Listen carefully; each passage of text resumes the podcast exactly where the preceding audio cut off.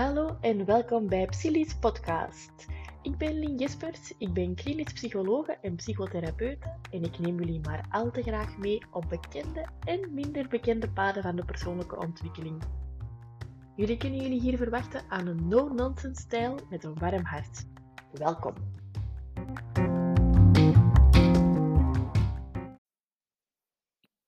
Jij daar en welkom op deze nieuwe aflevering van Silly's podcast. Ik ben echt super blij dat ik nog eens een opname kan doen.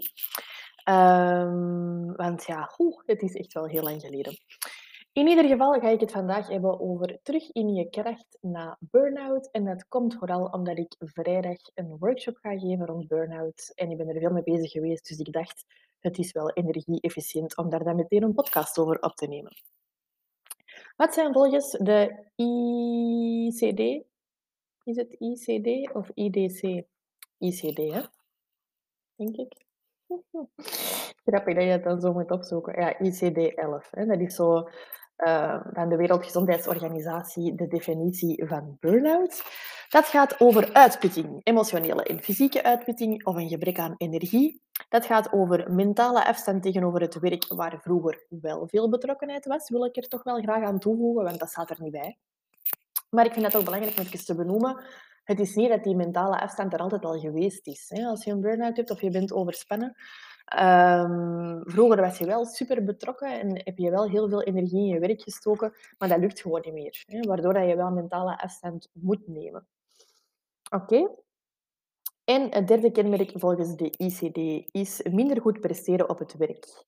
Um, ik merk dan in mijn praktijk dat dat vooral gaat over meer fouten maken, minder doelen halen, um, ja, gewoon echt minder goede input aanleveren. Um, en dat je toch uh, merkt dat je niet meer op hetzelfde niveau aan het presteren bent dan vroeger.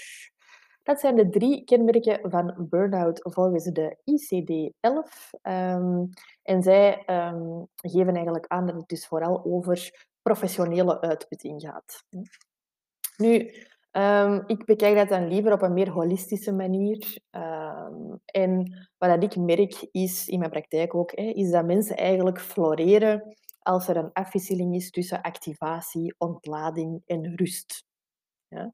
Waarbij de activatie zowel uh, het ervaren van heel, heel zware stress kan zijn, als het ervaren van gewoon uitdaging.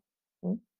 Zowel dus het ervaren van negatieve stress als van positieve uitdaging, dat is activatie. Ik ben nu een podcast aan het uh, opnemen, uh, dus dat is voor mij een positieve uitdaging. Maar de paar eerste, eerste paar keren dat ik dat aan het opnemen was, dan was dat eerder negatieve stress.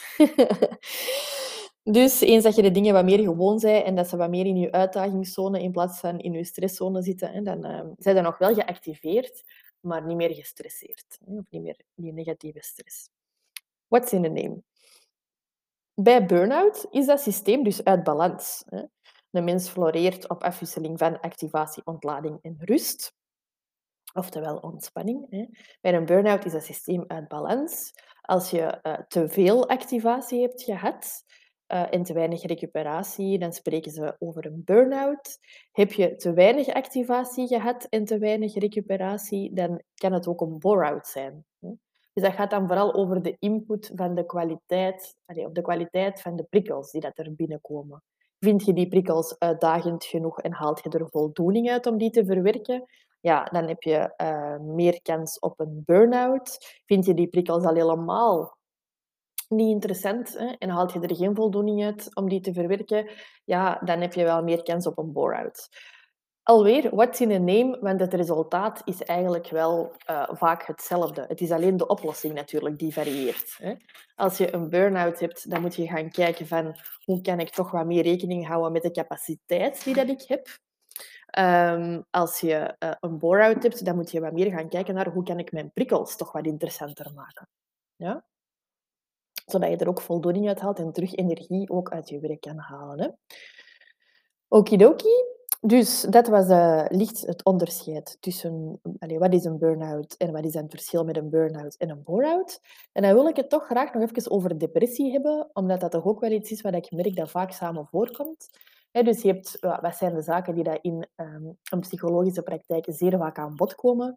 Dat is angst, Dat is stress, dat is depressie en dat is psychosomatische klachten zoals spanningshoofdpijn, maagklachten, uh, spierspanning, uh, andere verteringsklachten uh, enzovoort. hoofdpijn heb ik al gezegd, hè? ja. Um, dus dat zijn zaken die, veel, die vaak samen voorkomen. En dan wil ik dus eigenlijk wel zeggen van en de mens floreert op een afwisseling van activatie, ontlading en rust. En al die zaken kunnen eigenlijk komen van te veel activatie. Ja?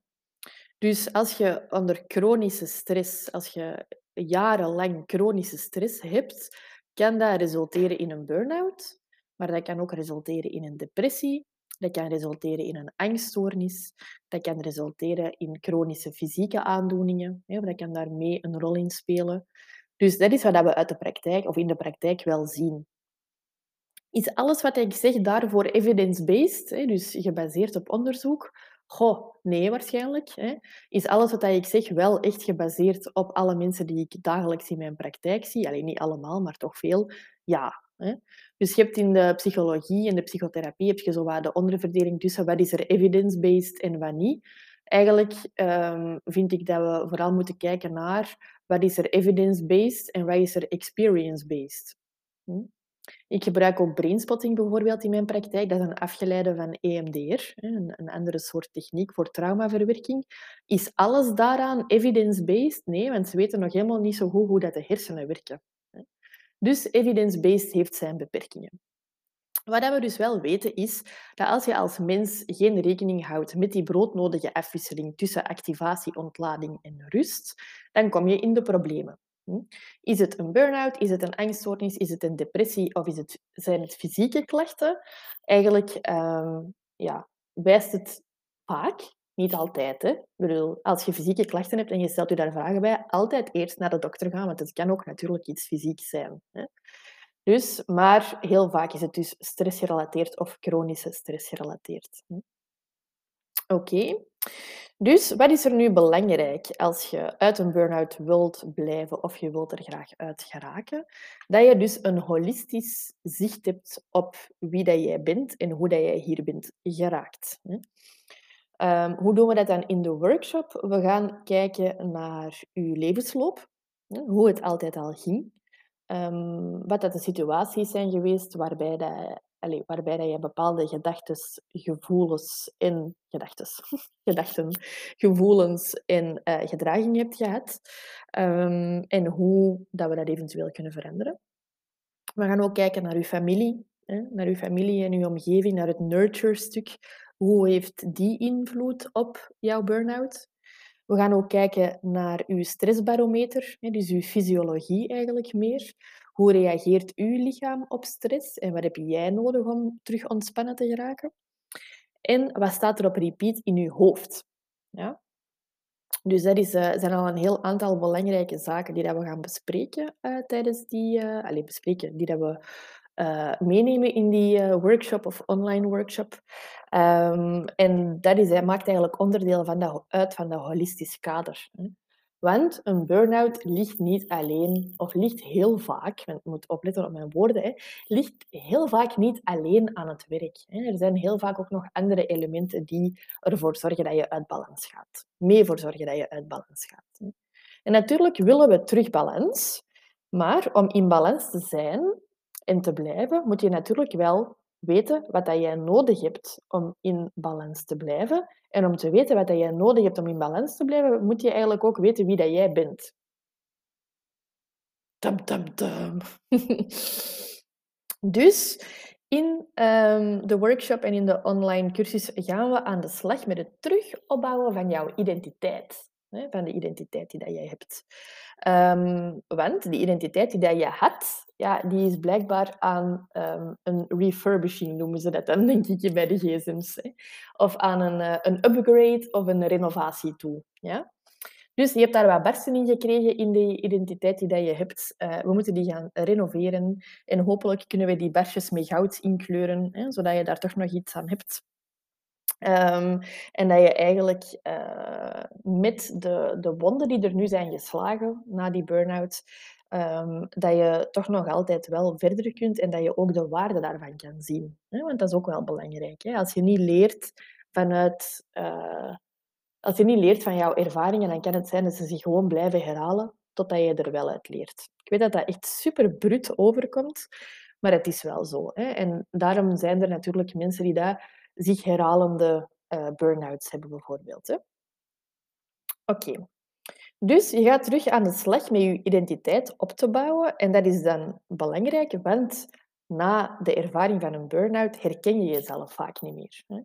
Ik heb zo nu een paar mensen uh, hun gezicht in mijn, uh, in mijn visueel geheugen dat naar boven floept, um, die dat echt totaal flabbergasted waren over maar ik herken mezelf echt totaal niet meer. Hè. Wie, wie ben ik eigenlijk? Wat ben ik hier nu allemaal aan het denken en aan het doen of niet aan het doen? En aan het voelen zijn gevoelens waar ik helemaal niet vertrouwd mee ben, die ik nooit heb toegelaten. En ineens, bam, hè, valt dat hier gelijk een of een ijskoude emmer over mijn hoofd. Dus in extreme gevallen noemen we dat depersonalisatie. Hè, dat je jezelf echt niet meer herkent en dat je ja, heel je innerlijke belevingswereld eigenlijk als echt vreemd ervaart. Hè. Dus zowel je gedachten als je gedrag als je gevoelens. En het kan ook zijn in extreme gevallen hè, dat je daar derealisatie uh, bij ervaart. En dat wil zeggen dat je uh, dus eigenlijk ook de verbinding met jouw omgeving kwijt bent. Hè. Um, en dat je dat toch wel heel uh, vreemd vindt dat je omgeving eigenlijk niet meer als bekend, als u bekend voorkomt. Hè. Voilà. Dus we moeten inderdaad ervoor gaan zorgen dat jij terug met, stevig met je twee voeten uh, in de realiteit, hè, in de nieuwe realiteit staat en dat je dus ook in die nieuwe realiteit terug verbinding met jezelf kan maken. En dat gaan we doen, ja, daar ga ik je nu niet helemaal in meenemen, hè, maar dat gaan we doen door een bepaalde uh, matrix in te vullen, waarbij dat we meer zicht gaan krijgen op zelflimiterende gedachten, op het potentieel dat je wel hebt, maar dat je misschien niet aan het waarmaken bent, op kernkwaliteiten, op allergieën, op valkuilen, op grenzen. Dus dat zijn een aantal zaken die we gaan meenemen in heel die, dat holistisch beeld rond burn-out. En dat is ook wel belangrijk.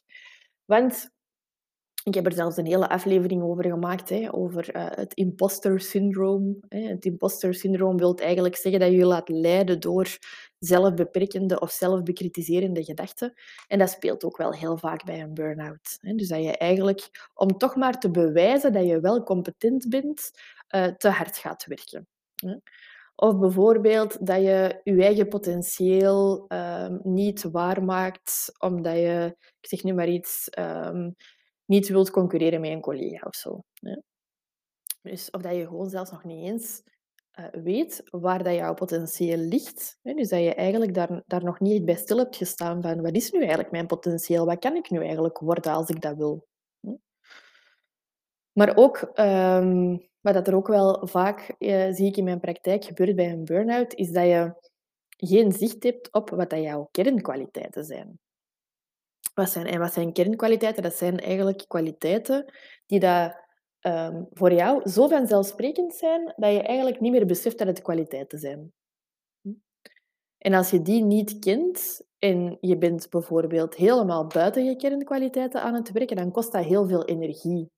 Want als je werkt in een uh, job hè, die daar bijvoorbeeld gebruik maakt van je kernkwaliteiten, ja, dan kost die ook niet zoveel energie, want je doet het al automatisch. Dus Stel nu dat je heel zorgend bent van aard en je werkt in de zorg, ja, dan hè, kost je wel minder energie dan wanneer dat je niet zorgend van aard bent en je werkt in de zorg, bijvoorbeeld. Ja, en dan die schaduw, dat is een hele aparte opleiding bij mij. maar het gaat er vooral over van, in een burn-out bijvoorbeeld, uh, grenzen stellen. Het kan zijn dat je daar wat allergisch aan bent. Mensen afwijzen, nee zeggen tegen mensen. Mensen het gevoel hebben dat je ze niet wilt geven, dat je ze niet wilt helpen kan zijn dat je daar allergisch aan bent. En zit dat een beetje in jouw schaduw, in jouw allergie. Maar het is toch wel heel belangrijk om dat te leren. Ik weet dat dat super belerend klinkt nu. Ehm, maar als je dat niet leert om nee te zeggen, ja, als je eigenlijk tegen niemand nee zegt, dan zeg je eigenlijk tegen iedereen nee. Want je kunt nooit, um, en ik besef weer hoe waar dat, dat is, je kunt nooit iedereen helpen. Je kan nooit genoeg tijd hebben om iedereen tevreden te stellen. Dus dat is uh, met Schaai en Schent ook wel wat ik in mijn praktijk vaak uh, merk als onderdeel van het proces na een burn-out, is het leren van andere mensen teleurstellen. En dat is echt niet zo gemakkelijk. Zeker niet als je uh, zorgend van aard bent of, om een modewoord te gebruiken, een pleaser van aard bent. Oké, maar dat kun je echt wel veranderen. Want een pleaser is ook weer niet, vind ik persoonlijk, niet iemand die dat je zei, maar dat is een patroon. People pleasen. Dat is zoals dat perfectionisme ook een patroon is. Dat is niet je authentieke zelf. Ik denk dat je zelf ook wel kunt beseffen dat geen enkele baby geboren wordt als een people pleaser. Ja? Dat is iets wat je ontwikkelt. Ik ga dat nog eens herhalen. Niemand wordt geboren als een pleaser. Niemand wordt geboren als een perfectionist. Dat is iets wat je ontwikkelt. En het goede nieuws daarvan is dat je het ook terug kunt afwikkelen. Hoera! En dan heb je natuurlijk uh, ja, ook nog wel de, de, echte grenzen dat er zijn. Hè? Dus je hebt limieten dat je jezelf kan opleggen, self-limiting beliefs, zelfbeperkende gedachten, dat ook vaak een rol spelen bij een burn-out. Maar je hebt ook gewoon grenzen. Hè? Als in uren in een dag die dat je hebt te spenderen, ehm, de grootte van de batterij die dat je hebt, uh, ja, de energie dat je kwijt kan in je werk, de andere zaken die nog van jou verwacht worden. Dus er zijn zeker wel grenzen. Dat zijn allemaal zaken die dat belangrijk zijn om mee te nemen in het herstel van een burn-out. Om eigenlijk terug in je kracht te komen na een burn-out. Dus dat was eigenlijk mijn relaas daarover. Ik ben eigenlijk minder ingegaan op de symptomen. Ik denk als je dit aan het beluisteren bent en je hebt zelf een burn-out, dat je goed genoeg weet wat dat de symptomen zijn. En dat, je er eigenlijk weinig aan hebt, dat ik dat nog eens gaan aflopen. Um, en als je daar meer over wil weten, dan mag je mij altijd contacteren en dan maak ik daar ook wel eens een aflevering over. maar um, Google is your friend, zou ik zeggen. Dus, wil je graag, hè, heb je een burn-out en wil je er graag uit geraken? Uh, mijn eerste advies is dan om in therapie te gaan of in coaching te gaan. Want dat is toch wel belangrijk dat je hulp vraagt op zo'n moment. En mijn tweede advies is dan om eens te gaan kijken uh, op de website, want daar ga je binnenkort een tool vinden. Ik heb vandaag uh, de video's gemaakt. Uh, een workshop die dat eigenlijk online vertaald is naar een videocursus, waarbij dat je zelf ook aan de slag kan gaan om aanvullend aan persoonlijke begeleiding of groepsbegeleiding um, verder aan de slag te gaan met jouw burn-out en jouw identiteit terug op te bouwen na het hebben van jouw burn-out. Ik wens je alvast superveel beterschap toe, want dat is ook echt heel belangrijk. We zijn allemaal maar mensen. Hè? En het kan gebeuren dat je eens stevig met jouw hoofd tegen de muur loopt, maar dat wil ook niet zeggen dat je daar voor eeuwig uh, moet blijven liggen dan.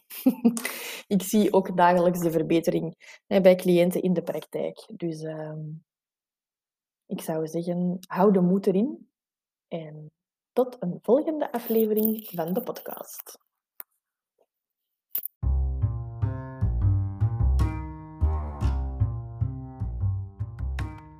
Als je al niet kan wachten tot de volgende podcast, dan kan je surfen naar www.psili.me www.psili.me. Daar vind je de blog, daar vind je de shop, daar vind je de afsprakenagenda.